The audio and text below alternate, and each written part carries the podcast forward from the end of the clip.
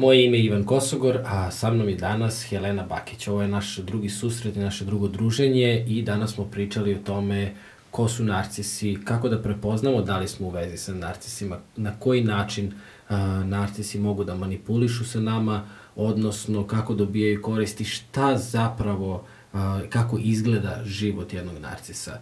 Ovo je jedna zanimljiva tema, tema koja, dok je Helena i pričala, nekoliko puta sam se naježio, pa onda sam postavljao neka dodatna pitanja zašto bi neko ostao u takvoj vezi, kako da sazna da li je u toj vezi i tako dalje. Saznaćete mnoštvo korisnih informacija i kao što je Helena na samom kraju rekla, ako i ukoliko se prepoznate u nekim od ovih informacija, definitivno se prvo obratite nekome za pomoć.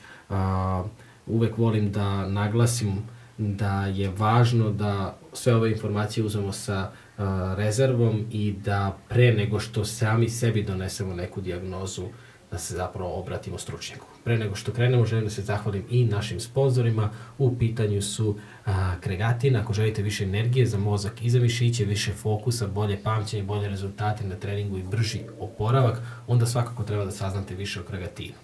Uz kod Koskor koji možete iskoristiti neograničen broj puta dobijate 10% popusta prilikom kupovine, link je u opisu. A, drugi sponsor jesu pasta Marco Polo, moja omiljena pasta. Inače, ručno pravljena testenina bez veštačkih aditiva i dodataka, najrazličitiji oblici i svake nedelje novi ukusi.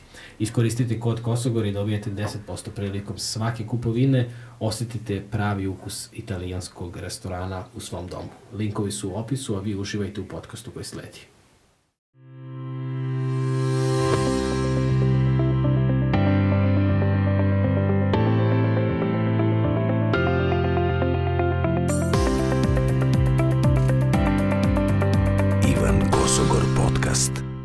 Helena, nakon našeg prvog podcasta, ovaj, ovo redko kad čini, mislim da će možda biti drugi put, a možda i prvi put u podcastu, a to je da se vraćam na, na komentare koje mm -hmm. izbegavam da čitam, nekada dođu do mene, nekada ne dođu, neki lepi uglavnom dođu, neki ružni su onako tu se provukli nekada. Međutim, bio je jedan komentar da a, nakon našeg podcasta da si previše mlada i da da, ti je, da ne može da ti veruje ta osoba. Znaš, I uh, ja sam prvo onako emotivno odreagovao kao kako je moguće, jer provio sam s tobom dva i po sata u tom razgovoru i ono, ostao sam, sećaš se i nakon razgovora sam ti rekao zaista, ne sećam se da sam ikada upoznao neku mladu osobu koja me je toliko inspirisala, koja je toliko znanja ima, koja je toliko života ima u sebi, koja toliko volje ima da podeli. Da, baš sam, zaista sam bio očaran. I onda sam razmišljao kada se to spusta, ono, spustilo taj moj gard da kažem njemu da on nema pojma o životu. Tako da onda sam razmišljao, ok, gde smo mi kao društvo došli uh, da pričamo samo o onim mladima koji ne valjaju i da njih stavljamo onako, e, ovaj je loš, ovaj nije dobar, ovaj je problematičan, ovaj je bezobrazan, ovaj je ovakav, znaš? A da ne pričamo o mladima koje zapravo treba slušati i koji mogu biti inspiracija drugim mladima. Znaš, I zato sam presrećen što si opet došla i nadam se da ćemo imati mnogo razgovora u budućnosti kako iza kamere, tako i, i pred kamerama, jer zaista od tebe ima toliko toga da se nauči i ovo je jedan od dužih uvoda u moje podcaste, ali zaista sam ovaj, zaista sam morao da stanem ne u odbranu tebe, nego u odbranu mladih u ovom slučaju, zato što je potrebno da promenimo naš stav o tome da samo broj godina određuje e, tu neku mudrost i to neko znanje. Ne kažem da e, su svi mladi najpametniji, a su stari i glupi, znači ne idemo iz krajnosti u krajnost, ali ovaj, definitivno moramo otvoriti prostor a, ljudima poput tebe, ljudima koji čine, a, koji su ta nova generacija koja će zapravo činiti ovaj svet. Znaš, dobro mi došla u podcastu ovako uživo. Hvala ti. Prvo hoću da kažem hvala opet na pozivu i drago mi je. Posebno mi je drago što smo ovako uživo. Mislim da je kontakt uživo ovaj, ipak za mene bar jako dragocijen. Uh, puno toga si rekao. Prije svega, htjela bih da se vratimo opet na kraj našeg prvog uh, razgovora ovaj, koji je bio ja mislim mimo ovaj kamere, kad smo komentarisali kako bi bilo dobro u stvari da snimamo za nekih 20-30 godina pa da uporedimo ta dva videa, ovaj, o tome sam razmišljala, o tome se ovaj, posebno radujem da vidim tu razliku, vjerujem, ovaj, i kod tebe i kod mene u sazrijevanju, pa da ovaj, ovo bude jedan podcast veliki na visokom nivou. Ovaj, uh, o, osvrnula bi se možda na ovo što, bi re, što si rekao da možda prema mladima ima pa onako neka možda distanca. A opet ne bi to, ne bi to baš generalizovala, mislim da to dosta zavisi od nečih ličnih preferencija, iskustva i slično. Srećem dosta ljudi koji uh, nemaju, na primjer, tu distancu. Sad, iz nekog razloga, meni kad dolaze klijenti prvi put koji su stariji od mene, onako malo se iznenade, pošto im djelujem mlađe, tako mi bar daju feedback da djelujem dosta mlađe nego što jesam. Uh, ali i sami negdje iskažu to da ovaj, kad su me kontaktirali preko društvenih mreža i slično, da su vidjeli da, da sam mlada i to je, da je to glavni razlog u stvari što su se javili jer imaju potrebu da pričaju s nekim mlađim, uh, smatraju da novije generacije bolje će ih razumjeti možda jer su u skladu sa ipak novim vremenom i slično, tako da ne bih rekla baš da da ne bi generalizovala u stvari, ali svakako nailazila sam i neke predrasude ovaj, prema mladima. Sad ne bi znala šta je tome razlog.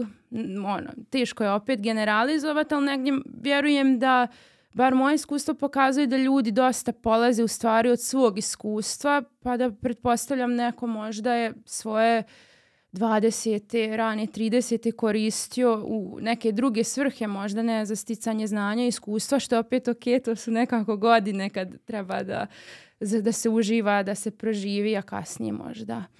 Sad, lične preferencije. Kaže Helena koja ide na edukacije. ne, ali ovaj, uh, vidiš opet ima mudrosti u ovom tom odgovoru. To generalizovanje i tako dalje. Ovaj, ti i ja danas pričamo o uh, narcisima, je li to mm -hmm. prava reč?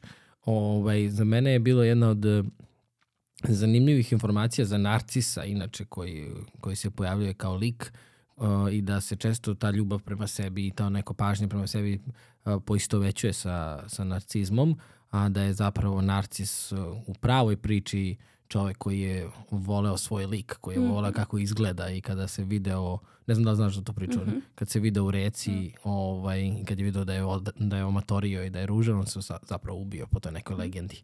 Ovaj, tako da ta druga priča bukvalno pada u vodu, mm -hmm. ali zanima me, zašto misliš da je ovo važna tema danas? Mm -hmm. zato što u praksi mislim da možda generalno nismo ni svjesni, bar ljudi koji se ne bave tim temama i koji nisu dovoljno informisani, uh, veliki broj uh, ljudi možemo da sretnemo sa, sad ću objasniti šta je razlika između narcizma, nar, uh, narcisoidnog poremećaja ličnosti i slično, ali možemo primijetiti dosta, dosta ljudi sa narcisoidnim crtama Uh, I o, ljudi sa ovim karakteristikama, posebno ako su izražene, pojasnit ću sad i koja je razlika i svašta nešto, ali mogu da budu jako opasni po, po okolinu. Mislim čak da toga nismo ni svjesni. Uh, naravno, prije svega hoću da naglasim da je veoma važno imati humanistički pogled i prema nekome ko, koga bi okarakterisali ovaj kao narcisa ili koga bi mogli da klasifikujemo u narcisoidni poremećaj ličnosti i svakako sam zato da pri, bit će priča i o tome da um, narcizam, odnosno kod osobe je napravljen. Ljudi nisu rođeni kao narcisi, što nam odmah u startu govori da je neko imao izuzetno teško djetinjstvo ali uh, smatram da to s druge strane nije opravdanje, da treba da se vratimo, da preuzmemo odgovornost i da ne ugrožavamo ljude oko sebe. Uh, masovno i ja i kolege srećemo ovaj, na terapiji u kancelarijama našim izuzetno pametne, inteligentne, vesele, prijatne, dobronamjerne i puno, puno, puno pozitivnih epiteta ljude koji zaista pate u odnosima s narcisoidnom osobom i koji u jednom momentu postaju toliko onesposobljeni, koji ma toliko pada samopouzdanje, koji ulaze u različita stanja od burnouta, depresije do raznih stanja zbog odnosa u kom se nalaze sa narcisoidnom osobom. Znači, bukvalno na neki način, kako ja to doživljavam, sami sebi ocijeku krila e, zarad odnosa, a često je problem u stvari to da ne znaju u čemu se nalaze i da ni ne znaju sa čim imaju posla. Tako da evo već sad pomenuti, nekako uvijek im je značajna ta informacija u stvari kad shvate da se narcisoidna osoba promijeniti neće i da ne postoji ništa što mogu da urade da se narcisoidna osoba promijeni. Uh, negdje ih ta nada najviše ovaj, održava u tim odnosima. Uh, kažeš da oni mogu biti opasni. Kako? E, to ću sad detaljno razraditi, ali evo na početku ću spomenuti da narcizam spada u nešto što zovemo mračna trijada zajedno sa psihopatijom i makiavijalizmom. Sad sama riječ ovaj, kaže da se radi o nečemu opasnom, da tako kažem. Pa evo sad ću razviti kompletnu priču o tome. Prvo kako narcisoidna osoba se ponaša, izgleda i na kraju kakve efekte ostavlja po druge ljude. Na zapadu je ova tema dosta razrađenija u stvari i koristit ću dosta nekih engleskih termina. Nešto što je nastalo u zadnjih nekoliko godina je sindrom narcističke žrtve.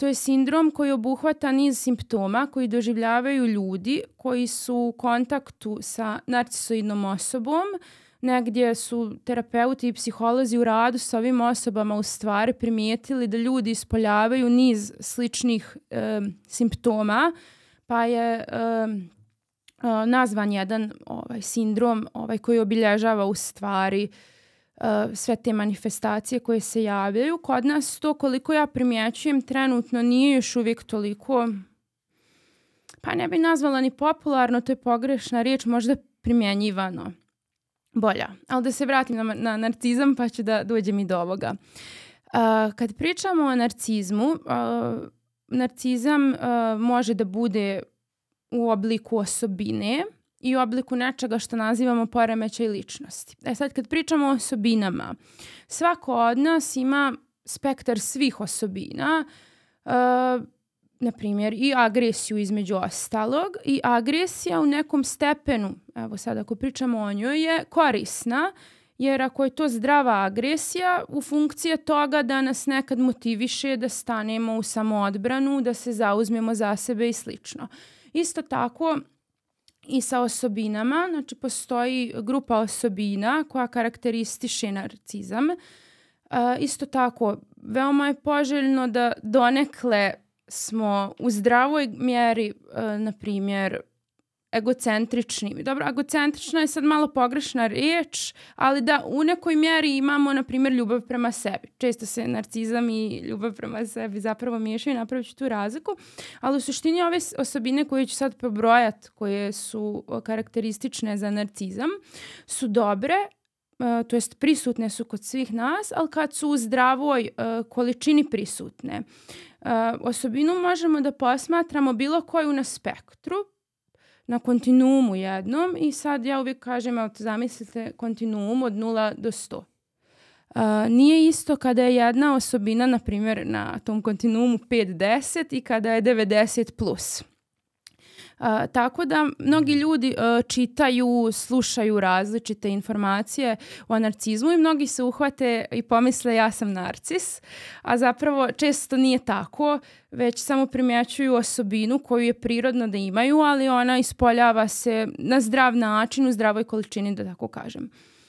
Uh, narcizam uh, i narcisoidni poremećaj ličnosti postoji razlika – Uh, ali ono što je karakteristično tu jeste da uh, narcizam je, ajde da kažem, neki blaži oblik, ali i dalje ne znači da ta osoba uh, je pretjerano bolja po okolinu. Sad zavisi koje su osobine prisutne, kako se to manifestuje i tako dalje.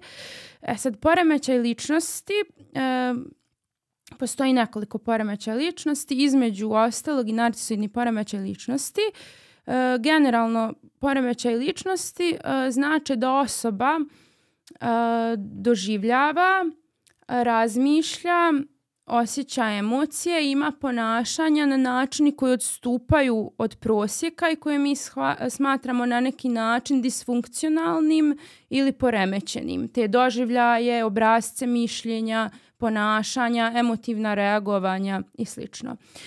Uh, E, nešto što karakteristiše narcise, sad ću nabrojati e, nekoliko osobina. Prije svega egocentričnost, e, nešto što Englezi nazivaju entitled, odnosno kad osoba smatra, mi nemamo riječ koliko sam ja bar e, informisana da bi pravilno preveli, ali kad osoba smatra e, da zaslužuje poseban tretman e, i to samo ona niko drugi. Kad ima neke nerealne fantazije i očekivanja o sebi, kad očekuje da joj se svi dive, da joj svi ustupaju neke privilegije i slično. A, takođe, narcisi a, jako traže validaciju od okoline. A, često su i agresivni, ali sad ću opisati, postoje nekako i različiti tipovi narcizma, pa se i razlikuju. Nekad nije to baš osoba koja je u fazonu ja sam super, ja sam sjajna, gledajte me svi, divite mi se. Nekad to nije baš tako manifestno i direktno. Uh, nakon toga uh, zapravo srž narcizma jeste da negdje u dubini te osobe su zaista prazne, Neki psiholozi su dali dobru metaforu, to je kao da vidite lijepu kuću sa fasadom u kojoj unutra nema apsolutno ništa. Velika praznina i veliki dubok doživljaj niže vrijednosti. Iz tog razloga se konstantno okreću u sredini da bi tražili validaciju od sredine. Iz tog razloga često primjećujemo da narcistične osobe stupaju u kontakte s ljudima od kojih smatraju samo da imaju nešto. U smislu da imaju prijatelje koji su popularni, partnera koji je lijep ili popularan, dobro zarađuje. Veoma im je bitno to kako se oni pojavljuju i predstavljaju okolini, a i kako se predstavljaju i kako izgledaju ljudi oko njih. Um, Pored toga, uh, narci, uh, na, u narcizmu veoma su skloni manipulaciji, različitim vrstama manipulacije. Uh, vrsti manipulacije najčešće koja opet na engleskom je poznata kao gaslighting. Uh, opet nemamo mi u srpskom jeziku prijevod za uh, prijevod za to, ali objasnit ću kako, nešto kasnije kako ta vrsta manipulacije funkcioniše. Uh, Ono što je još karakteristično za njih da su emotivno ne znaju da regulišu, skloni su tantrumima, izlivima bijesa, e, skloni su nevalida, da ne validiraju ljude iz svoje okoline. E, e sad, ono što je veoma uh, teško za osobu koja je njihova žrtva, uh, jeste to da uh, osoba sa narcizmom Veoma je važno kako se predstavlja drugima. E, obično su veoma šarmantni e, i harizmatični i stvaraju u svijetu lijepu sliku. I ljudi koji nemaju puno kontakta sa njima, koji nisu suštinski bliski ljudi, ih e, zaista vole, dopadaju im se, duhoviti su, e, zanimljivi su i slično.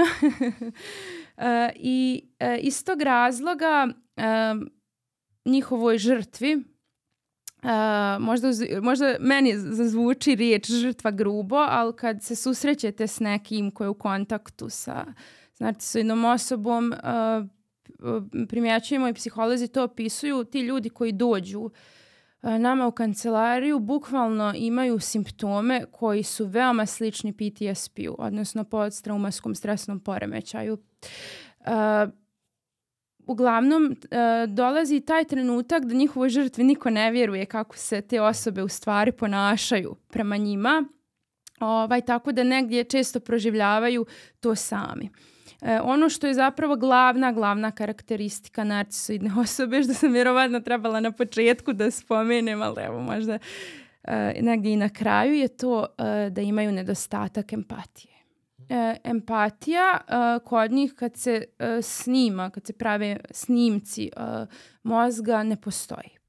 E, I to je onaj moment u kome oni prosto ne mogu da shvate e, da se zauzmu, da se stave u kožu drugog i to često a, dobro i sami a, klijenti opišu kad a, imate priliku da, da razgovarate sa, sa osobom koja je, na primjer, u, spada u okvir ovog poremećaja um, i kad iznosite temu koja je teška, kad je osoba tužna, uh, uplašena, kada je u, u nekoj vrsti straha, tuge, nije ni važno, uh, na osobi preko puta sebe uh, fa, na facijalnoj ekspresiji se prosto ne vidi ništa. Ko da pričate kamenu.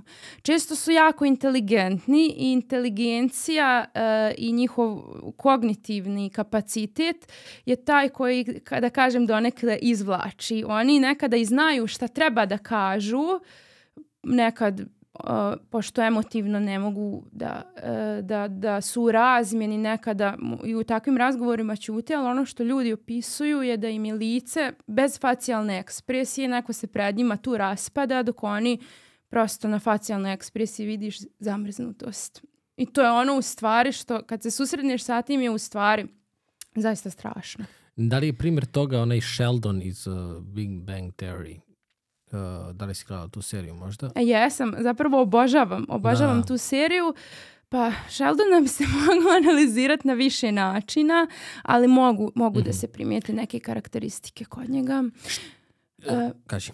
Da, zapravo ovo si mi sad super, e, super mi je ovo tvoje pitanje zato što u stvari trenutno se vjeruje e, da kad je u pit... vjeruje s- psiholozi mi struka smatra da sa narcizmom ne može da se uradi puno toga, čak ni kad se jave na terapiju, a pričat ću i o tome koje su problematike uopšte ovog, ovo, ove pojave i poremećaja. E, najviše što može da se uradi sa njima je da ih se nauči kako da se ponašaju. To bi bilo sad, na primjer, ja tebi kažem, inteligentan si, ja tebi kažem, e Ivane, sad kad neka osoba uđe u prostoriju, ti treba da kažeš dobar dan, kako si.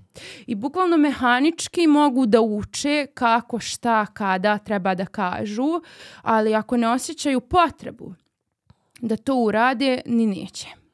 E, I to je ono, na primjer, što se vidi kod Sheldona, kako oni njemu često objašnjavaju kako treba i kako on to u većini situacija radi preko volje, onako na pamet. Da, da, zato mi Ovaj, je ali palo na suštinski pamet, ne da. razumije. Suštinski ne razumije. Jesi gledala poslednju epizodu? Yes. Evo, onda si videla na kraju da je Da je, iz da. srca u stvari Da, ispričao, srca, ali jest. ovaj... A, inače za Sheldona je zanimljivo sad samo jedna malo onako interesantna priča da je on u jednom trenutku bio najplaćeniji glumac u istoriji ovaj uh, tog show biznisa i, i ne znam koliko je miliona dobijao samo po jednoj seriji. Ovaj, to je bilo, ja sam, ja sam mislio da su ono dva i po muškarca i ta prijatelji da su oni najjači, u stvari ta serija je toliko popularna i gledana da je to neverovatno. E, sad ja moram da iznesem ovaj svoj e, lični dio, pošto sam stvarno emotivno vezana za tu seriju. Ja sam tu seriju pogledala svaku epizodu, minimalno dvadesetak puta kroz godine. Sam ja u jednom momentu ovaj, znala ko šta na kojoj sceni od odjeće nosi, ali serija je stvarno genijalna i toliko toliko informacija na kraju krajeva, jako korisnih možeš da, da dobiješ. Da, da. A, šta mogu da budu okidači za narcizam? Rekla si da se ne rađaju, uh, iako dete izgleda kao da se sve vrti oko njega, da se tako ponaša, zapravo je ovo, narcizam je nešto potpuno drugačije i a, uči se. Koji su to najčešći neki okidači koji nas dovode do toga? E, pa ona, ono, to jest kako narcizam nastaje, e, kada su roditelji istovremeno e, preuključeni i neuključeni. E sad ovo malo zvuči kontradiktorno, ali evo na koji način. E, kada roditelji ističu samo e, uspjeh djeteta, postignuća, kad je roditeljima važno kako se porodica i dijete predstavlja okolini, kako dijete izgleda, kako izgleda njegova pojava, kakve ocjene ima u školi, ide li na sport takmičenja. Znači kad su tu preuključeni, kad nekad možda i forsiraju dijete ili prosto samo vrednuju taj dio, a, a kad su emotivno nedostupni, kada nisu uključeni u emotivne a, doživljaje i emotivne procese djeteta i kad su za sve one druge potrebe o kojima smo pričali ovaj, u prošlom a, podcastu nedostupni. I, I kad samo su one- pomeni te potrebe, molim te. Uh, emotivna sigurnost. Dobro, sad naravno fizičke potrebe, što su im ono, materijalne potrebe, hrana, piće, spavanje, vazduh, uh, fizička i emotivna sigurnost, ljubav, pažnja i pripadanje, uh, poštovanje i samoaktualizacija. Dobro, sad samoaktualizacija već negdje više je potreba za neki stari uzrast, ali se vraćamo na onu fazu 4 do 5 godina kad je u tom momentu razvoja za dijete važno da roditelji priznaju njegov, na neki način priznaju autoritet djeteta. Odnosno to da, da dijete ima neke svoje potrebe, želim, ne želim i da se to poštuje. Odnosno, djetetov autoritet naravno u situacijama koje su prikladne, koje ne izlažu djecu opasnosti, da, da se ovaj u stvari uvaži. Vrati se na, na okidače. Mm -hmm. Uh, sad, uh, suština, m, pored ovoga naravno dio nosi i to tem temperament djeteta kako se dijete rodilo, ovaj, ali suštinski se smatra da, da su narcisi e, napravljeni. Samim tim što e, veoma rano, o tome smo pričali prošli put, e, mi u stvari vrlo rano tokom odrastanja Uh, učimo, pošto se rađamo bez iskustva, bez instinkta, razlikujemo se od životinja jer nemamo nikakve instinkte, mi sad treba da naučimo bukvalno sve. Od toga kako puzati, pa onda sjediti i prohodati, naučiti jezik, govor, šta je nebo, šta je lopta, šta je kašika, kako se šta koristi. Između ostalog učimo tri važne stvari o sebi, o drugima i o svijetu. Uh, ko sam ja, koliko sam ja vrijedna osoba da drugi zadovoljavaju moje potrebe, uh, kakvi su drugi ljudi, mogu li im vjerovati ili ne, da li se može osloniti na druge ljude. Uh, I treće, kakav je to svijet i da li on dovoljno sigurno mjesto za mene, hoće li biti prihvaćen u tom svijetu.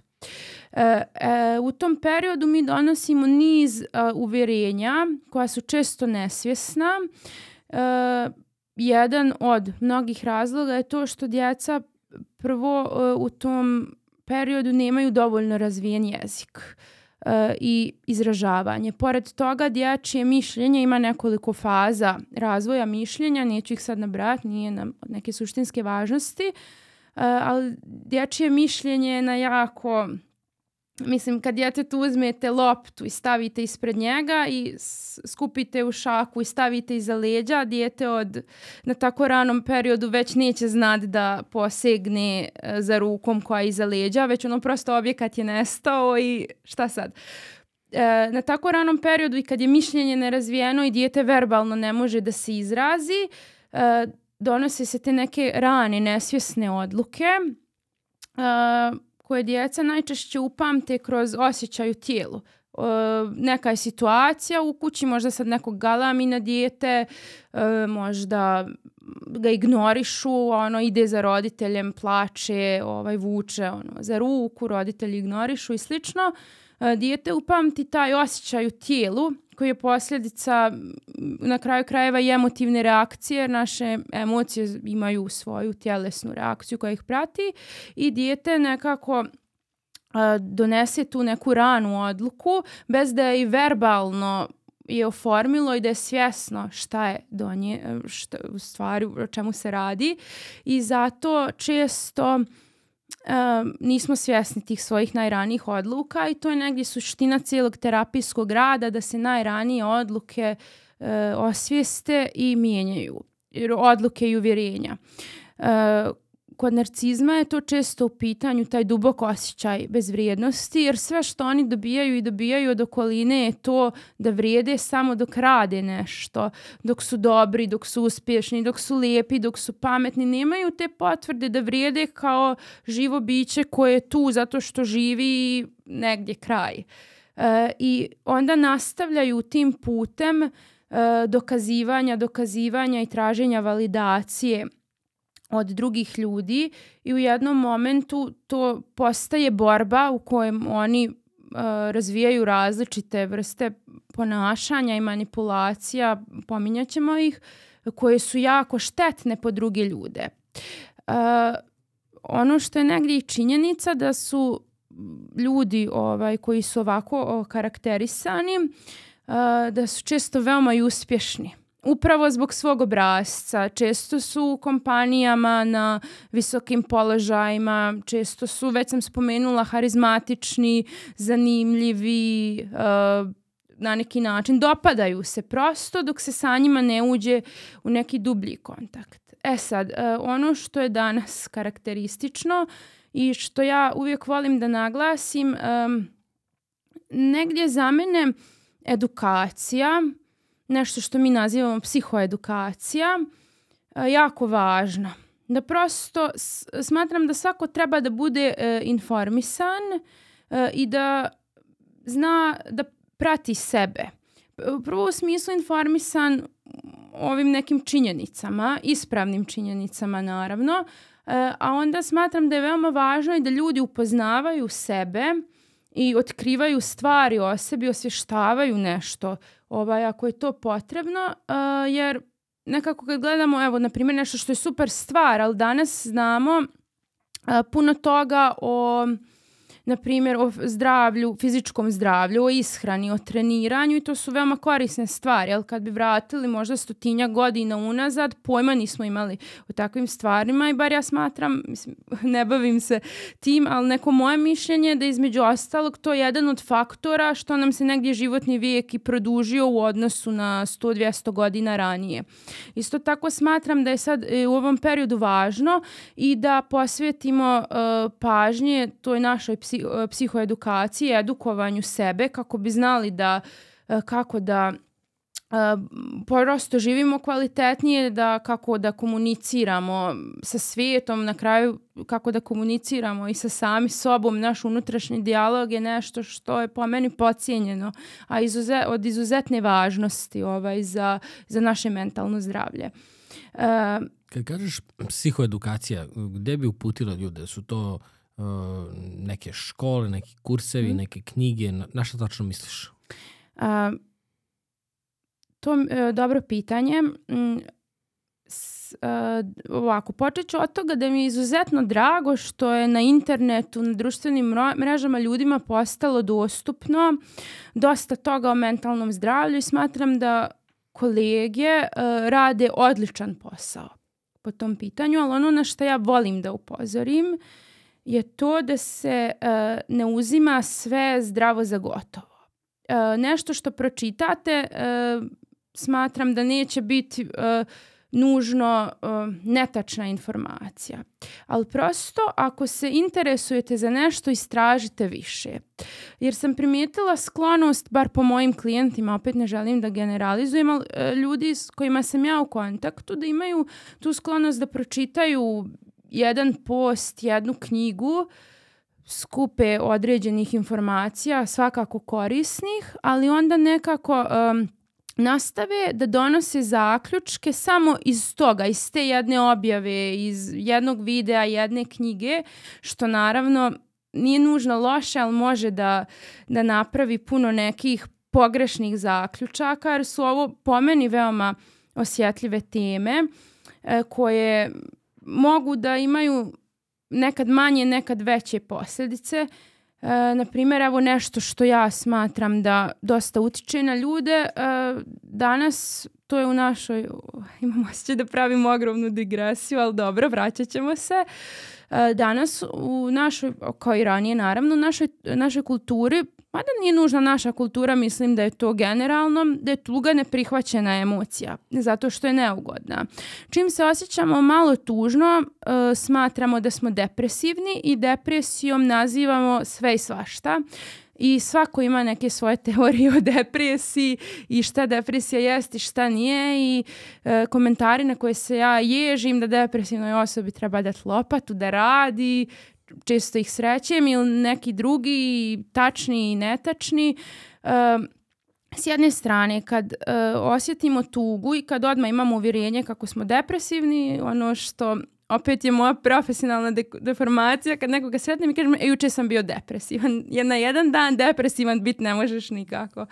Ovaj, tako da... Uh, uh, tim, na primjer, načinom etiketiramo sebe kad sebe etiketiramo, na primjer mi uh, u, sad ne mogu da pričam generalno, kad je u pitanju psihoterapija, postoji više psihoterapijskih pravaca, ali psihoterapijski pravci koje ja radim i u kojim sam informisana, na primjer mi često izbjegavamo da osobi govorimo uh, ko, u kom stanju smatramo da je, uh, osim ako je to neophodno i ako osoba to ne zahtjeva. Mislim, naravno, um, a, a, iz kog razloga? Zato što kad osobi kažemo, na primjer, a, ti si sada na dobrom putu da postaneš depresivan, osoba će se e, sama sebe etiketirati i uhvatit će se toga što čuje i neće si dati prostor da se kreće mimo toga. Tako da to često govorimo, pokušavamo da prezentujemo na način da upravo ne dođe do ovog etiketiranja samog sebe e, i e, vrlo smo oprezni sa postavljanjem ovaj, dijagnoza e, i upravo iz tog razloga e, ako, ako nije neophodno i ako ne smatramo da je nešto od suštinske važnosti za osobu da će da je ugrozi, izbjegavamo da da komentarišemo. To je jedan, na primjer, od razloga zašto smatram da je ta psihoedukacija jako važna i posvetiti vrijeme nečemu.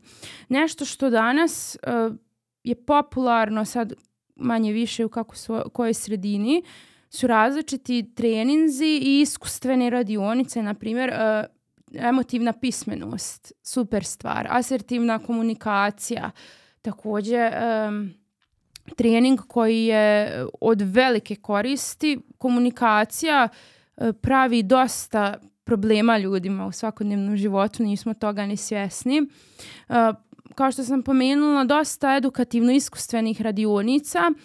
E, upravo ja spremam jednu grupu ovaj, edukativno-iskustvene radionice koja će biti online i uživo i upravo iz toga da ljudi dobiju pristup nekim osnovnim informacijama radionice, mm -hmm. da, li, da li pod psihoedukacijom u, ubrajaš i da neko ide na psihoterapiju? A, pa zapravo psihoedukacija je jedan segment uh, rada psihologa ili jedan segment psihoterapije. Uh, kada osoba dođe na psihoterapiju, uh, nama je jednim dijelom i važno da joj damo pravilne informacije ovaj, o tome nečemu s čim se s čim se susreće i onda evo, želim na primjer da se vratim na tugu. E, tuga i ljutnja su dvije emocije koje, hajde ljutnja manje više, ali tuga svakako, koje su neugodne, ali koje su za nas jako korisne. E, da nema tuge i ljutnje, mi ne bi znali da nam nešto ne odgovara, da nešto visoko vrednujemo. Tuga i ljutnja, postoji suštinska razlika između njih, one se javljaju kad doživljavamo da nešto gubimo da smo na gubitku, da smo ugroženi ili slično. Ljutnja se javlja kad smatramo da možemo da uradimo nešto, da promijenimo to. Uh, I ona se javlja da nas dovoljno motiviše kao naš, naravno kad je u pitanju zdrava ljutnja, ne patološka ljutnja, ona se javlja da nas dovoljno motiviše da reagujemo. Evo sad, na primjer, ako si ti uh, verbalno agresivan prema meni, uh, ja znam da ne moram nužno da budem u kontaktu s tobom. Mislim, možda imam neku svoju unutrašnju predstavu da ja sad moram da budem u kontaktu s tobom zbog nečega, ali ona je nerealna. Ljutnja mi se javlja da bi me motiviše da ti stavim granicu. Ili prosto ako ne mogu da ti postavim granicu u odnosu na neke ljude i to ćemo uh, prokomentarisati se ne može prosto. Mislim, možeš postaviti granicu, ali oni neću, neće poštovat i onda je naša odgovornost u stvari da se odmaknemo od te osobe. Dok se tuga javlja kad mm, percipiramo da ne možemo ništa da uradimo, da promijenimo taj gubitak ili neku štetu koju doživljavamo da nam se nanosi i zato se tuga između ostalog javlja kad izgubimo neku dragu osobu kad premine i onda se javlja proces tugovanja koji je u funkciji toga e, da žalujemo i da se u konačnici kad prođu određene faze tugovanja emotivno razvežemo od osobe, od situacije, od cilja jer prosto možemo da tugujemo za bilo čim što nam je ta vrijednost veća, uh, tuga i tugovanje će biti kompleksnije na neki način.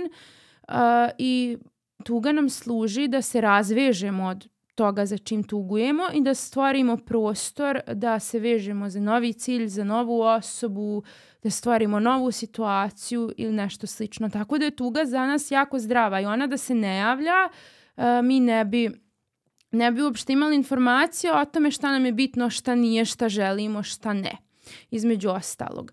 Uh, I sad, da li ti osjećaš potrebu da objašnjavam trenutno razliku, na primjer, između tuge i depresije? E, znaš šta, ja bih volio da se vratimo mm -hmm. na, o, ja samo hoću da kažem jednu stvar koja mi je ostala onako, uh, kao mislim da ću to stvarno zaovek zapamtiti, mm -hmm. a to sam čuo od tebe, da, da je najgore da u situaciji kad je neko tužan da mu kažeš nemoj biti tužan, mm -hmm. jer mu zapravo šalješ poruku da to nije bilo mm -hmm. bitno, da ta osoba nije bila bitna, ta situacija nije važna mm -hmm. i tako dalje. To je zaista jedna ovako bitna lekcija, znaš, -hmm. ono, kad budem zapisivao lekcije za, za, za svoju decu šta bi volio da znaju, volio bi da znaju to. Jedno od, od stvari, znaš. Jeste, ja smatram da je to jedna veoma bitna stvar, da na kraju krajeva da svako od nas može da, da se razvije uh, pravilno. Uh, možeš kratko čisto da napravimo tu uh, razliku između tuge i depresije, samo bih volao da se vratimo onda na, na manipulaciju. Mm -hmm. Na manipulaciju, pošto imam mhm. neko pitanje o manipulaciji za narcise. Dobro. Uh, tuga, uh, depresija, um, kada je u pitanju klinička depresija, ono, kako je mi nazivamo, ona ima određene simptome i potrebno da postoji minimalno pet njih i da se manifestuju duže od šest nedelja. Tad možemo da pričamo da osoba depresivna. Uh, neki od sim prvi simptom je uh, osjećaj praznine, ali to je onaj osjećaj praznine koji svi vidno možemo da primijetimo na nekoj osobi. Osoba se osjeća potpuno prazno. Uh, drugi simptom depresije je da osoba gubi uh, interesovanje za sve stvari za koje je dotad imala interesovanje. Uh, šta god to bilo, sport, uh, bilo kakav hobi. Treće je promjena u apetitu. E, odnosno da osoba uh, bez da je, na primjer, držala neku dijetu ili poseban vid ishrane, uh, da naglo dobija ili gubi kilograme. Četvrto je promjena u spavanju uh, insomnija ili hipersomnija, znači da osoba prosto ne može da spava, premalo spava ili da spava predugo, po cijeli dan ili slično. Uh, zatim mišićna agitacija velika napetost mišićna u tijelu ili nešto što nazivamo mišićna retardacija gdje su pokreti i reakcije kod osobe veoma spori, da je to veoma zaista vidno i okolini ljudi, ljudima koji ih prosmatraju. Zatim osjećanje krivice koje je nerealno. Znači kad se osoba osjeća e, nerealno u smislu kad se osoba osjeća krivo za stvari za koje nikako ne može da bude kriva. Na primjer sad uh, ti prospeš uh, tu čašu sa vodom i ja kažem mu ja sam kriva, ja sam sigurno rekla nešto što njega uznemirilo i onda on iste uznemirenosti prosilo čašu. To je otprilike ta logika. Uh, doživljaj uh, nepripadanja, odnosno to da osoba smatra da drugima nije važna, da nije vrijedna i da ne treba da, da pripada, prosto da bude tu i na kraju suicidalne misli. Uh, koje su teške, on, mislim prosto nekad se završi na mislima, nekad ode i dalje na pokušaju suicida i slično i ono što je glavna razlika između tuge i depresije, uh, prvo sad sam rekla da mora da ima određen broj ovih simptoma, da treba da traje duže od šest nedelja, ali to da osoba kad je depresivna, ona je depresivna i u tom sta, depresivna osjeća sve ove simptome uh, sve vrijeme dok je budna Dok osoba koja tuguje ili je tužna, na primjer, ustaneš e, i budeš ujutro 2-3 sata tužan, ali onda nešto, vidiš neki video pa se nasmiješ, malo te zainteresuje, sretneš nekog, popričaš, budeš bolje ostatak dana. Sutradan već nisi tužan, ali preko sutra možda opet dođe sa dva, tri ili prosto cijeli dan da si tužan. Dok depresivna osoba sve vrijeme dok je budna doživljava sve ove simptome. ljudi smatraju da ako budu tužni, ako budu tugovali da će da odu ovaj, u depresiju, uh, sad naravno postoji nešto što mi zovemo patološko tugovanje, uh, koje naravno nije zdravo, ali negdje je uh, taj strah u stvari od depresije E, mislim da nestaje kad ljudi u stvari shvate da je to nešto dosta kompleksnije i da zaista podrazumiva određen broj simptoma i kad primijete prosto kad su tužni da to nije baš u toj mjeri ovaj, tako. Hvala ti što si ovo napravila kao uh, jasnu razliku. Ja sam intervjuisao i uh, Čika Simu, odnosno doktora Simu, uh, koji je detaljno, detaljno išao upravo u priču o depresiji. Bilo mi je važno, to smo pre možda dve godine radili, Ma, i više u stvari, dve i po godine. Ovaj, bilo mi je važno zato što je baš postalo popularno, znaš, kad govore neko vidiš, pusti me, malo sam depresivan. Kao, ne možeš da budeš malo depresivan, kao ili si depresivan ili nisi. Znaš, i ovaj, I, jako zanimljiva je priča kako etiketiramo i uslovljavamo sebe i nekako usmeravamo sebe onda mm u tom nekom pracu. Tako da, ovaj, hvala ti što si ovako uh, slikovito zapravo objasnila. Ja bih samo htjela da dodam da smo mi jako dinamična bića uh, i da imamo i tijelo koje ima svoje organe i funkcioniše i da imamo svoj da imamo psihu. Ono naravno naš psihički svijet odnosno psihičke funkcije su pažnja, mišljenje, pamćenje, motivacija, emocije i slično. I sa našim tijelom i psihom, kompleksna smo, kompleksna dinamična bića smo, prosto je nemoguće da nekad ne dođe trenutak da, da si iscrpljen ili fizički ili psihički, možda neko uh, i je iza sebe imao jedan zahtjevan period života, poslovno ili ako je student u ispitnom roku, pa prosto te iscrpilo, možda si na nekoj granici sa burnoutom ili možda prosto nije ništa dramatično, ali dinamični smo bića koja sad možemo imati hobi, na primjer ja volim da slikam, ali ne slika se meni svaki dan. Sa četkicom ili sa aparatom? Četkicom, Aha. četkicom.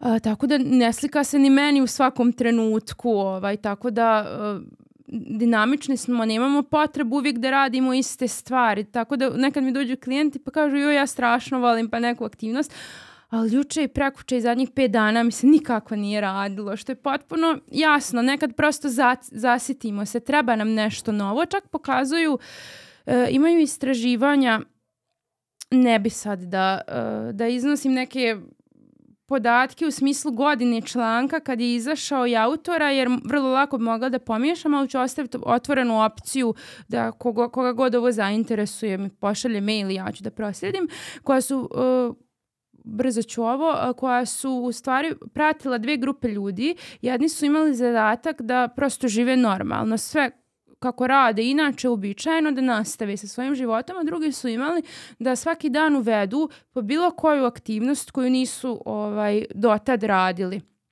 Ili bar često. Na primjer, danas da sjednu i provozaju se biciklom.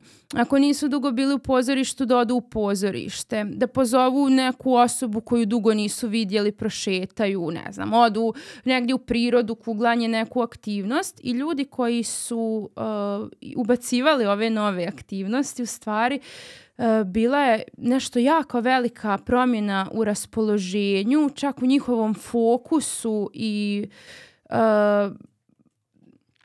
ovaj, vješti, o, prosto došlo je do toga da su ljudi uspjeli da, da se napune e, i bili su puno spremni da za svakodnevni život raspoloženje im se značajno ovaj, podiglo. Sad ne bi tačno da, da, da navodim koji su sve posljedice bile, jer sam davno to nekad i čitala, ali ovaj, ostavljam prostor da svako ko poželi se javi pa da proslijedim. Da, ta uh, životna kolotečina, mm -hmm. ovaj, mislim da, opet rekla si dinamično smo biće, svako je različit, znaš, za mene recimo da radim jedan isti posao i da svaki dan neke brojeve ubacujemo, neke tabele, meni bi to bilo haos, ja ne znam da li bih izdržao, čak i kad pričam o tome, ja se onako mm. stresem se, znaš, prosto tre, potrebna mi je neka razlika dok neko drugi uživa u tome da mu je sve jasno, da ima svoje, mm. svoje jasne zacrtane granice kada je u pitanju mm. karijera. Sad ovo su neke, neke stvari kojima si ti pričala ovaj, veoma zanimljive, mm. dobri podsjetnici. Mm. Da. Znaš. Još bi samo nešto da dodam pa ćemo se vratiti konačno na prav, ovaj našu početnu temu. Uh, kad ja ovo kažem uh, klijentima mojima, onda oni se počnu da, ali ja imam djecu, posao i ovo i ono. I samo bi ovdje htjela da kažem da postoji nešto što zovemo psihološke igre. Uh, I postoji jedna odlična knjiga Erika Berna koju igru igraš Bern tu upisuje šta su psihološke igre i neke određene e, na, e, igre imaju svoje nazive, čak i jako ih dobro opisuje i to je u stvari jako korisno da ljudi osvijeste koje igre igraju sa sobom i drugim ljudima. I čak u terapiji vrlo često se i bavimo igrama i da prosto ljudi uh, osvijeste i prestanu da ih igraju i postoji jedna igra koja je jako česta i zove se baš da ali.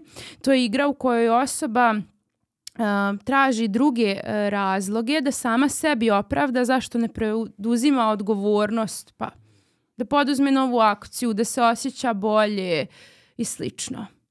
Znači igra se zove Da, ali. Mm -hmm. Ok. Erik Bern, koju igru igraš? Jeste. Je li ima na našem jeziku? Ima, ima. Ima, super. Mm. A, vraćamo se na narcise. A, u jednom trenutku si spomenula da ćemo pričati o nekim manipulacijama i ponašanjima mm. koje su štetne na ljude. Dobro.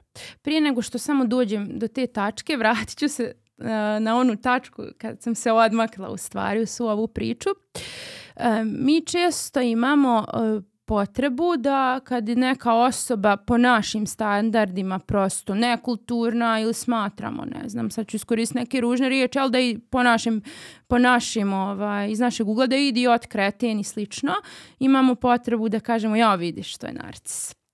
Uh, I sam, uh, da kažem, arhitekta uh, narcističkog poremećaja, dr. Francis, je rekao o, da to nije dijagnoza koju koristimo da opišemo ljude koji nam se ne sviđaju i za koje smatramo da su loši ljudi, kreteni i slično. Uh, I ovaj poremećaj, na njemu još puno treba da se radi. A, diagnostički je jako zahtjevan zato što narcistična osoba uh, jako rijetko će doći na procjenu će i se javiti i tražiti da, da bude procijenjena zato što prosto kad govorimo o poremećaju, jedna od stavki je da osoba uh, koja ima taj poremećaj trpi na neki način, manje je efikasna. Evo, osoba koja je depresivna, ima problema sa spavanjem, nije funkcionalna na poslu, teško joj je. Dok narcistična osoba od svog narcizma rijetko kad da trpi. Čak, to sam i pomenula, čak ima i dosta koristi od toga, jer su često na osnovu tih svojih obrazaca zaista uspješni. Vrlo rijetko je da će se javiti na savjetovanje, na procjenu i slično. To se najčešće javlja kad, su pro, kad im prosto sud, na primjer, e, naredi nešto tako ili kad se dešava nešto što njih uznemirava.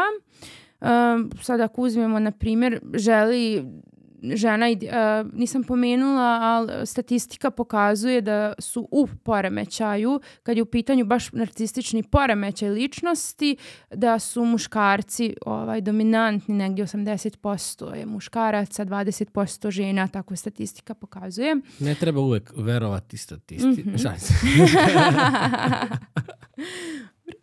eh, ali ono što sam htjela da kažem, na primjer, partner želi da napusti i djeca, ako je to uh, uh, narcističnoj osobi um, problem iz bilo kog razloga, sad gubi partnera koji ga čini da dobro izgleda, uh, šta će reći narod kod nas, čuvena rečenica, uh, finansijski gubitak ako će imati ili nešto, to će biti moment koji će osobu motivisati da se javi, ali ono što se sreće u praksi da će ta osoba da dođe da riješi svoj problem i čak um, kad na, na, narcistična osoba dolazi na terapiju, nekad je potrebno dosta vremena da stvari shvatimo da je u pitanju narcizam, jer osoba, njena naracija je ne valja svijet, ovaj mi učinio ovo, ovaj ono, ljudi ne vide koliko sam ja dobar, ja se trudim, ja uh, i nekad zaista treba vremena da se shvati o čemu je riječ i obično ako žele da sarađuju, sad ako im je u koristi da nauče,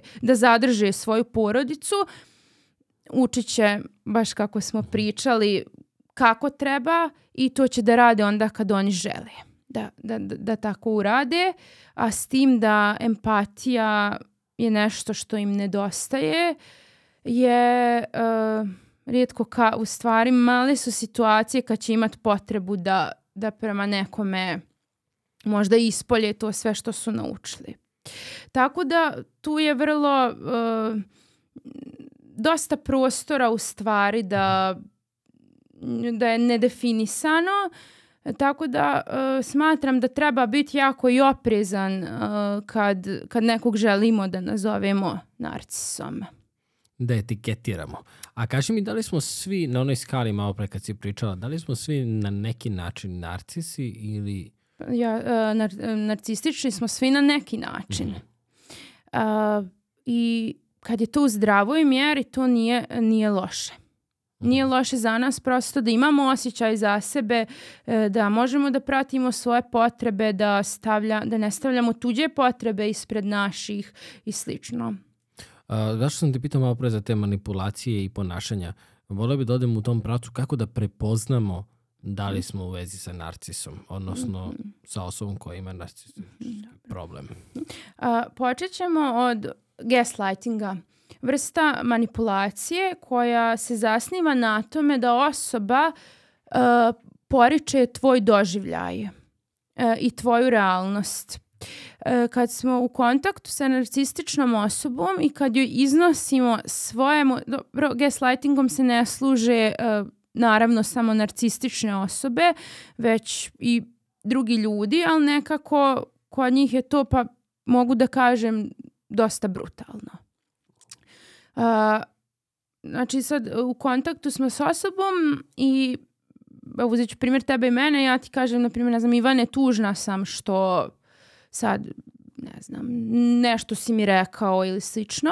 Druga osoba će potpuno uh, poreknut naš doživljaj. Česte su rečenice pretjeruješ, uh, nije tako, zašto si razmažen ili razmažena, zašto se shvataš tako ozbiljno, uh, ja sam se šalio, uh, pogrešno si to shvatio ili shvatila. Ne preuzimaju odgovornost za svoje ponašanje, već je vraćaju osobi.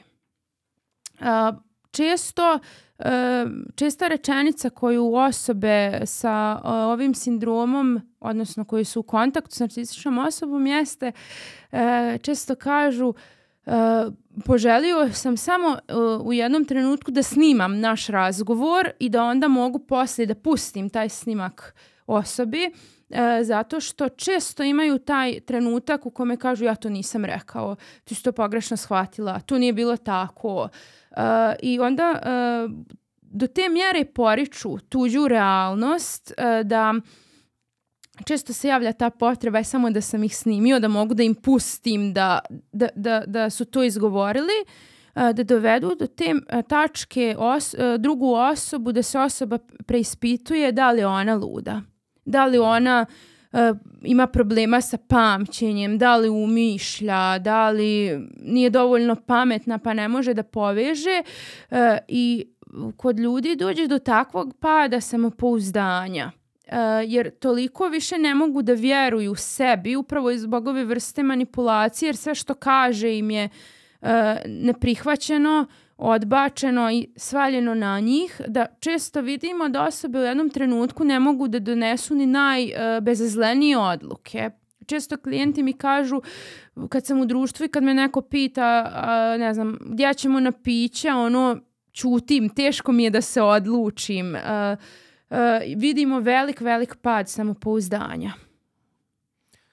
Šta je šta je najveći u stvari dobitak kod osobe koja je narcis? Jer malo pre si rekla jednu stvar, ali malo mi sad to zvučalo kontradiktorno, da je oni se osjećaju, osjećaju prazninu mm -hmm. i stalno okay. dobijaju neke uh, potvrde da vrede od drugih ljudi, odnosno imaju potrebu da dobijaju mm. te potvrde.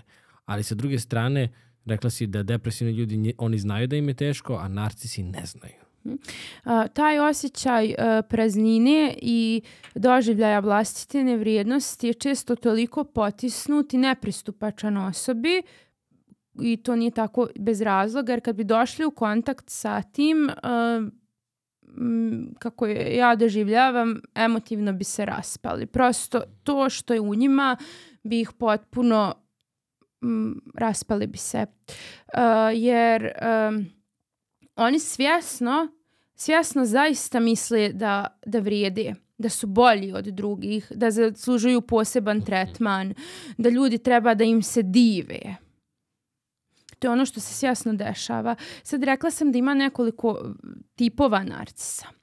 Uh, prvi tip, uh, još uvijek nisam sigurna da su zvanično prevedeni na naš jezik, ali kad bi bukvalno prevodili sa engleskog bi bio maligni narcis. Uh, oni su, uh, imaju sve ove osobine koje smo pričali, uh, nisam sigurna da li sam rekla, ali da bi neko se uopšte smatrao da spada u kategoriju narcističkog poremećaja, nedostatak empatije mora da bude prisutan. To je nešto što je presudno za ovo. Nedostatak empatije mora da bude. Znači imaju sve one karakteristike o kojima smo pričali, jako su manipulativni, uh, traže validaciju, uh, podsjanjuju druge često, uh, sve što sam navodila, ali ova kategorija narcisoidnih osoba je često veoma agresivna i nema puno toga što ih razlikuje od psihopata. Samo jedina razlika je u tome što mogu da donekle osjete da su da, nije, da su nepravedni ili da osjete neki oblik krivice uh, kad rade nešto svojim bliskim ljudima porodici, majka, otac, porodici uh, i mogu da osjete strah. Dok se, na primjer, kod osoba sa psihopatijom ne postoji prosto strah.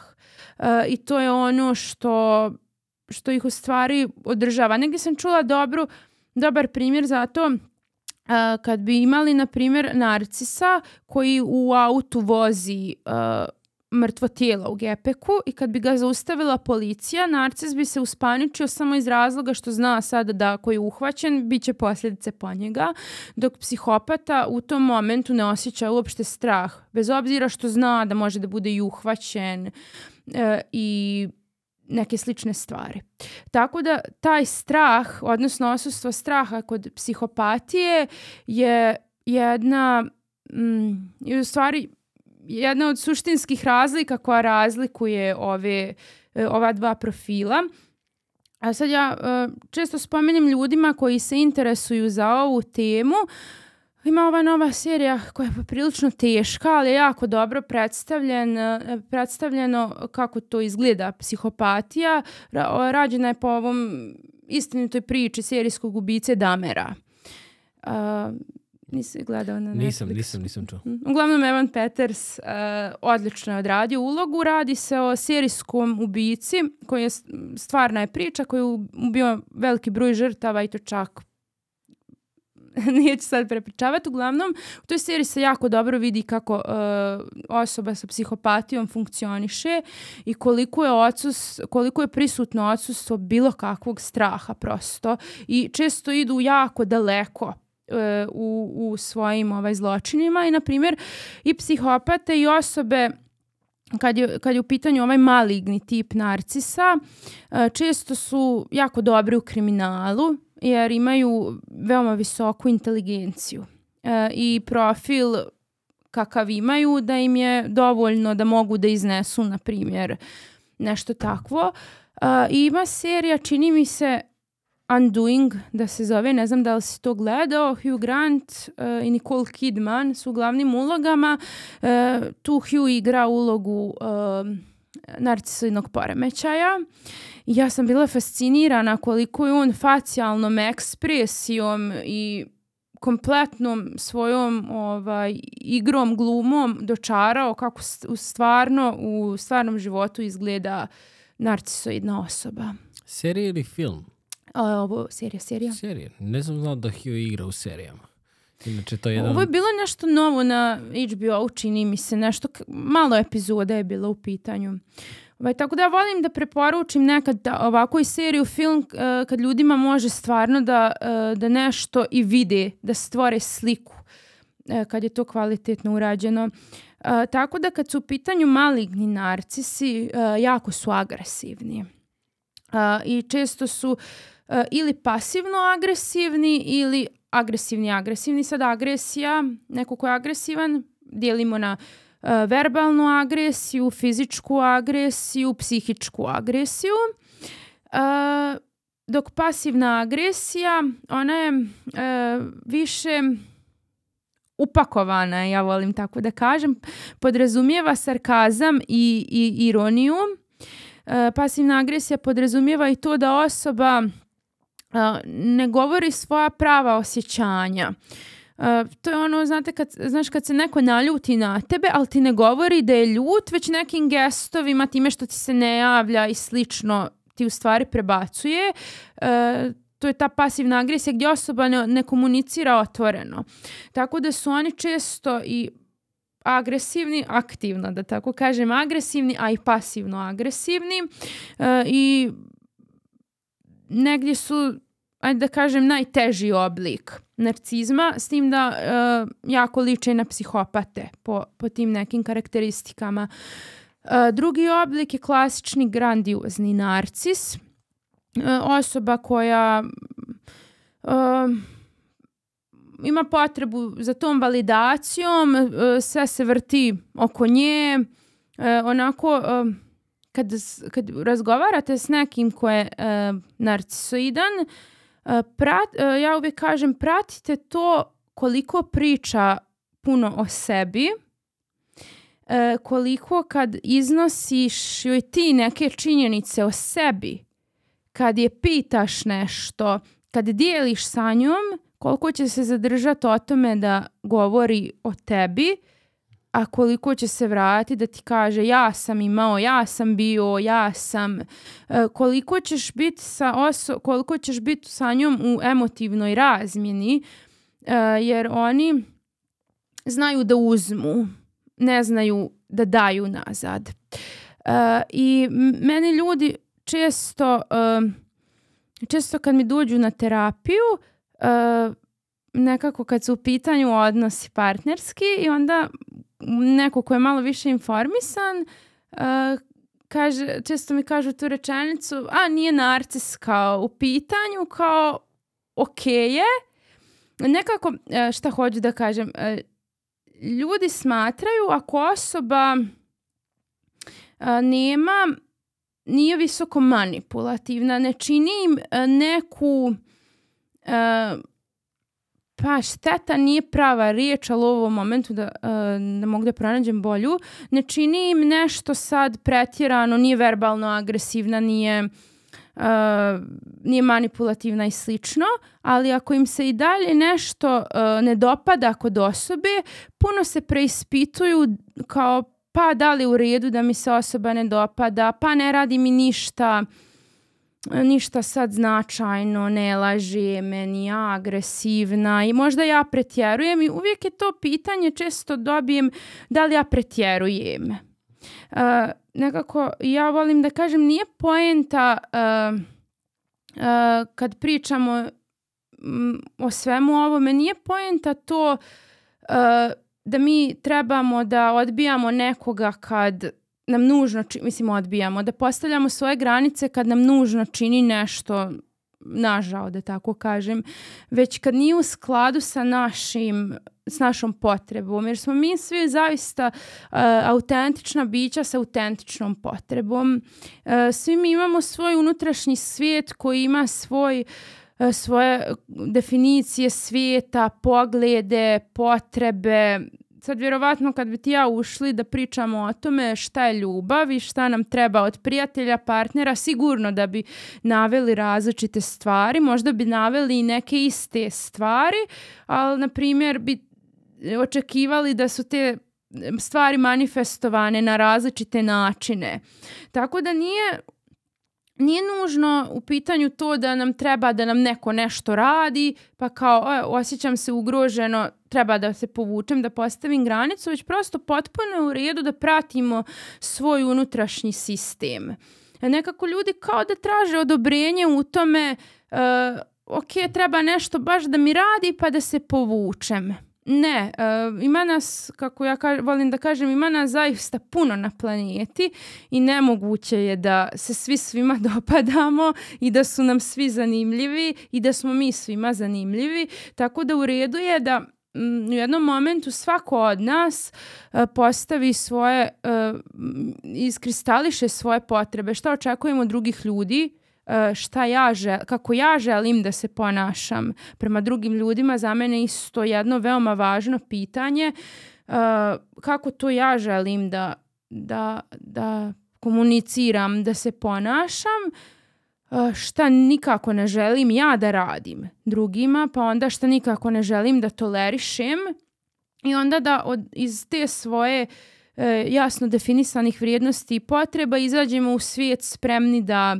e, da pravimo selekciju ko, ko koliko, e, s kim ćemo da se razmjenjujemo. Jer ovo će možda u početku zvučati pomalo sebično, E, mi smo bića od potreba i ranije nekad naši prapreci živjeli smo u grupi iz proste koristi, radili smo razminu hrane, neko uzgaja voće, neko povrće, razmijenimo se. U grupi smo se lakše borili protiv divljih životinja, Ovaj, pa smo tako opstajali. Danas, naravno, u prijateljstvima, u odnosima postoji ta neka materijalna razmjena u smislu neke pomoći i slično, ali na kraju mi smo i emotivna bića i opet smo na onoj potrebi ljubave, pažnje i pripadanja. E, I e, nama odnosi služe da razmijenimo te potrebe. Sad kad smo u odnosu, važno je da dođe do razmjene, da na kraju moja je potreba zadovoljena, tvoja je i mi smo se razmijenili i to onda nije sebično. E, kako bi možda zvučalo na početku kad ono nekako, ipak tu je neka korist, neka dobite. Sad jasno je da u svakom odnosu nećemo u svakom trenutku tog odnosa dobijati nešto od toga. Neće nam se sve ni svidjeti kod druge osobe na kraju krajeva sami sebe dosta nerviramo kao da nas nego drugi ne nervira u određenim situacijama. Uh, tako da uh, važno je praviti kompromise od suštinske važnosti i znati skomunicirati te kompromise i potrebe, ali za mene uh, opet pitanje dokle kompromis treba da ide. Jer ako se ti i ja, na primjer, družimo i imamo potpuno različite vrijednosti i potrebe i ti jedan dan preživljavaš u druženju sa mnom dok radimo nešto što ja volim, a ja sutradan preživljavam s tobom o, o, dok radimo ono što ti voliš, onda je već baš pitanje toga ima li to smisla, ovaj, da li je to funkcionalno, kako se osjećamo u tome. Sad, kad smo u kontaktu sa narcističnom osobom, Uh, ono što je na kraju uh, uvijek naglašavam ljudima važno je jasno uh, i vrlo, vrlo jasno iskristalisati svoja očekivanja od njih. I prosto sniziti svoja očekivanja. I, ove osobe naravno na kraju su osobe. I one mogu da nam ponude puno toga kvalitetnog ali zavisi u kakvom smo odnosu sa njima. Zavisi kakve su naše granice. Ne treba, a, naravno, ako sad kad je prijateljski odnos u pitanju, kad imamo prijatelja za kog primjećujemo da, da, da je narcističan ili prosto znamo. Naprimjer, dosta ljudi su svjesni da su narcistični i neki to čak i priznaju, neki ne. E, ali, na primjer, evo sad imamo prijatelja, vi znamo da, da, da je u pitanju ovo, e, možda nećemo, mislim sigurno nećemo njemu ići kad smo tužni i kad nam treba emotivna podrška, jer osoba je nesposobna za to, ali je super duhovit i ćeš sa njim ili sa njom u izlazak i super ćeš se zabaviti. Uh, uh, znaćeš da držiš svoje granice i samim tim osoba ti um, neće, uh, možda će pokušati da ti probije granice, ali na, negdje je na nama da ih čvrsto držimo. Kad pričamo o manipulaciji, možemo je definisati okvirno između ostalog, da postoji manipulacija ljutnjom, tugom i odgovornošću. E, također, generalno što ljudi rade, ne samo narcistične osobe, da često manipulišu ljutnjom. Pa kad... E, ne želimo da uradimo nešto za njih, često možemo, ljute se, povuku se. Kod narcisa su to česte rečenice uh, razočaran sam ili razočarana, ne posmatram te kao što sam te posmatrala.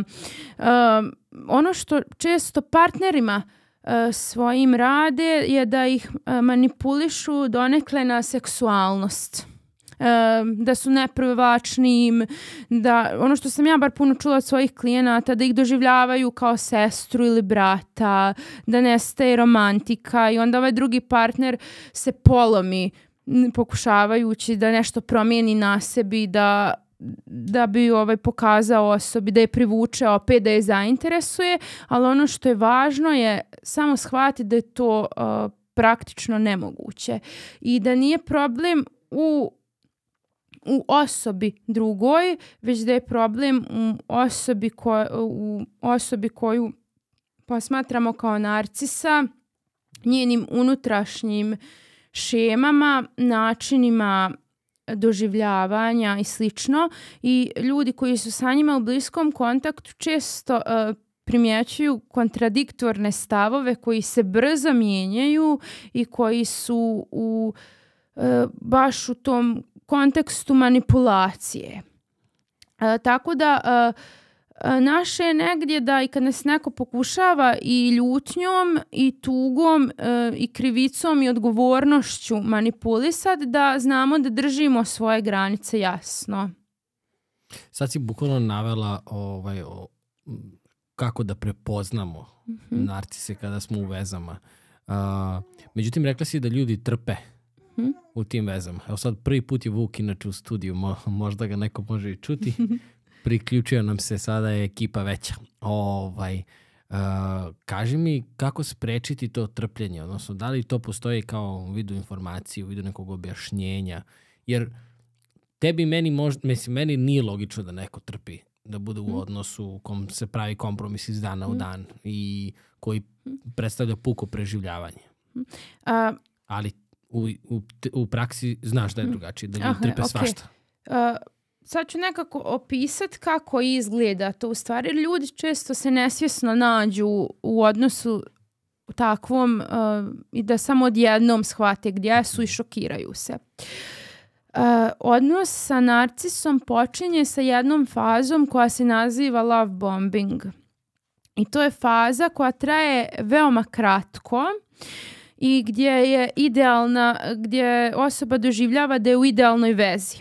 E, osoba, m, ne sviđa mi se što je, što konstantno nazivam narcis, ali e, nekako e, više volim taj naziv e, osoba sa narcizmom, slično, ovako mi je puno kraće, samo bih htjela da, ziz, ovaj, da ispalim to. Uh, narcis se jako dobro prilagodi u smislu E, posvećuje i puno pažnje, osobu bukvalno zasipa s ljubavi, poklonima, pažnjom, komplimentima, e, posvećena je, Uh, često u početku jako dobro slušaju drugu osobu da bi znali šta osobi treba i da bi to i dali.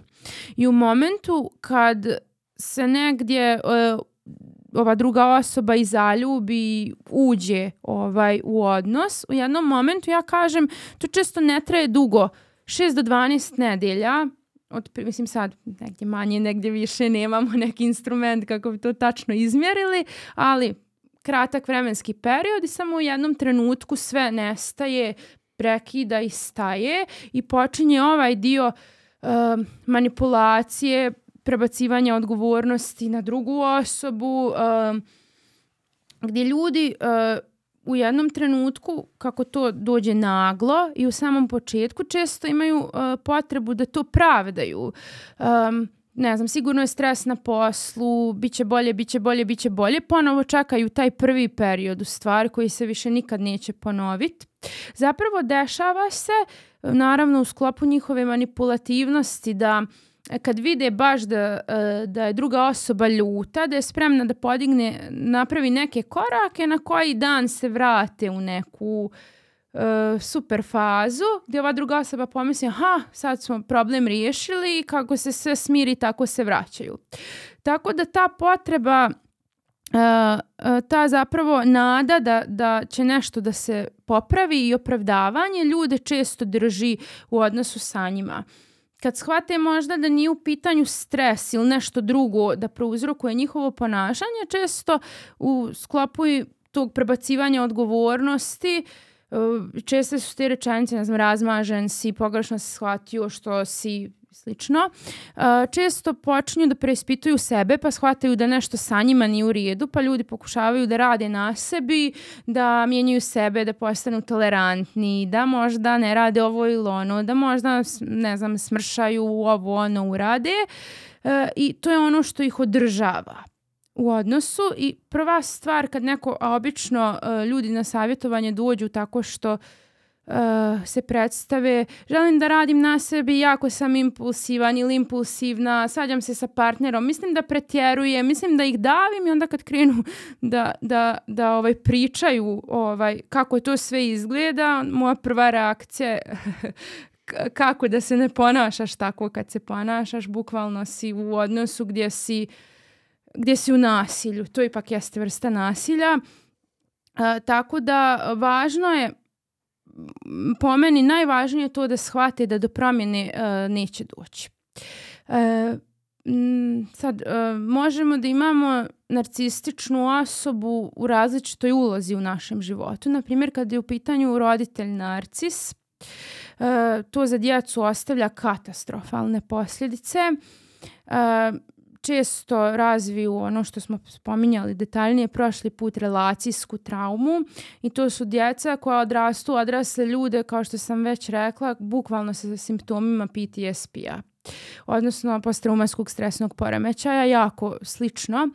Uh, i negdje smatramo da je narcističan roditelj nešto jedna od najtežih mogućih opcija koja može da se djetetu desi tokom odrastanja. E sad, kad je u pitanju partner, zahtjevno jer ipak e, s partnerima smo zbog emotivne razmjene na kraju krajeva, a izazovan je dio to što nikad nećemo dobiti to saosjećanje i tu emotivnu razmjenu onako kako e, osobi sa zdravim emocionalnim funkcionisanjem je potrebno.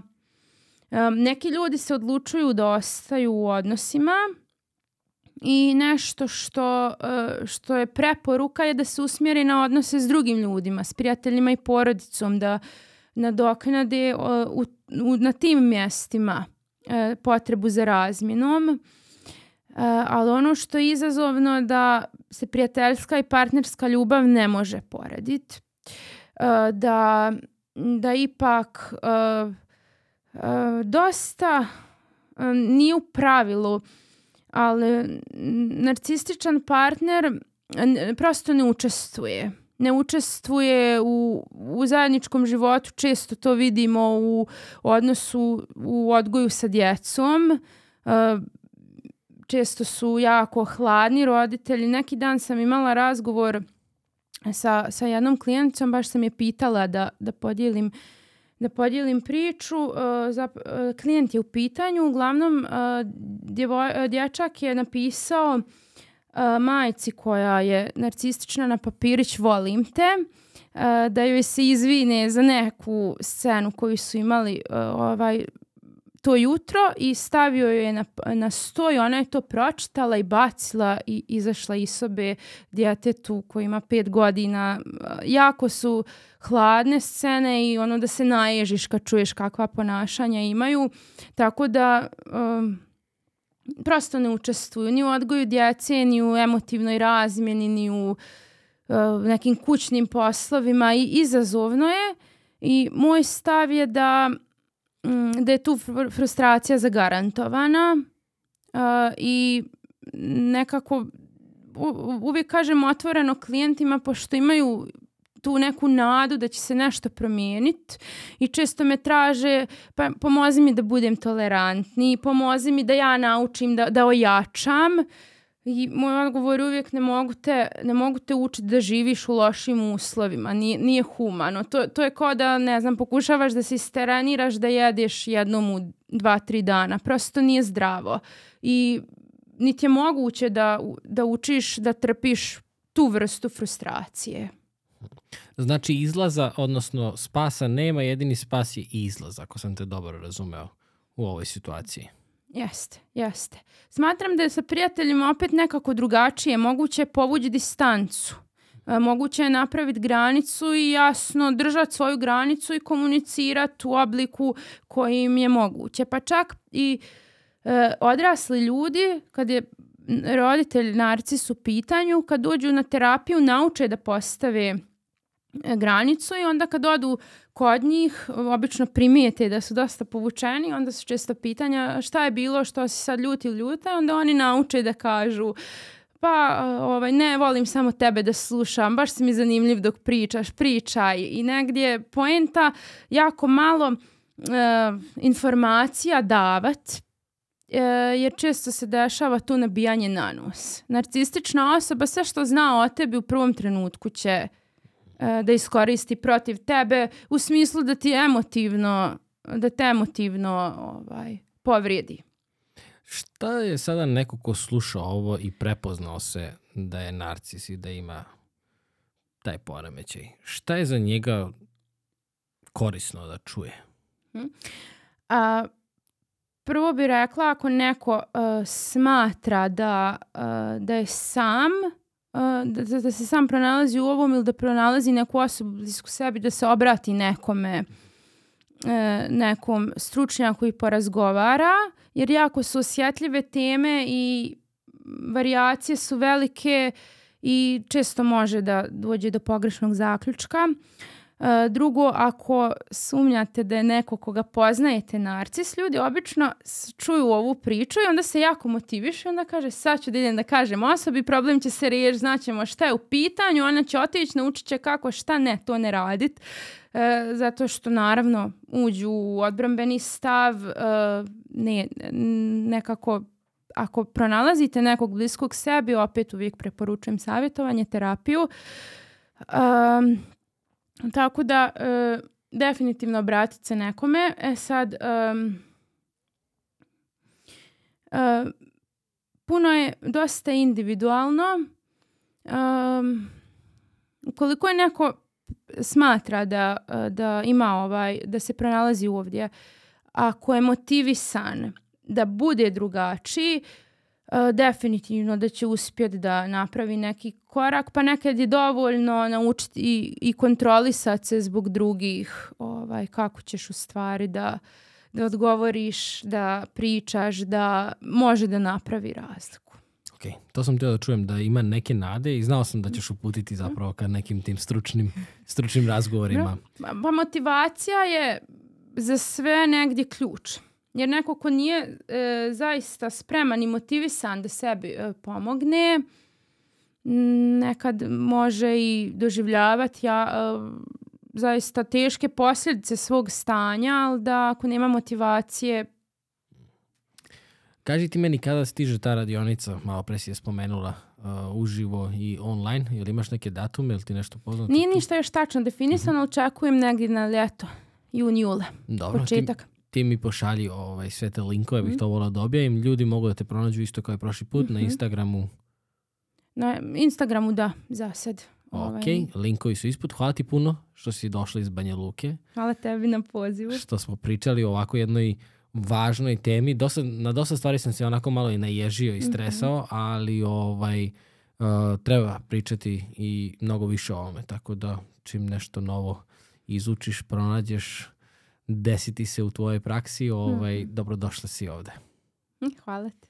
Hvala svima koji ste, uh, samo me bacim na jedan, inače Nemanja Milović danas pomera kameru poslednjih 15 minuta.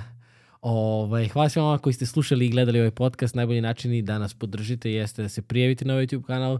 Drugi najbolji način jesu PayPal, jednokratne donacije i Patreon. I treći najbolji način jeste da a, pogledate u opisu a, naše sponzore i da iskoristite link i popuste sa kodom Kosogor. Vidimo se sledeći put.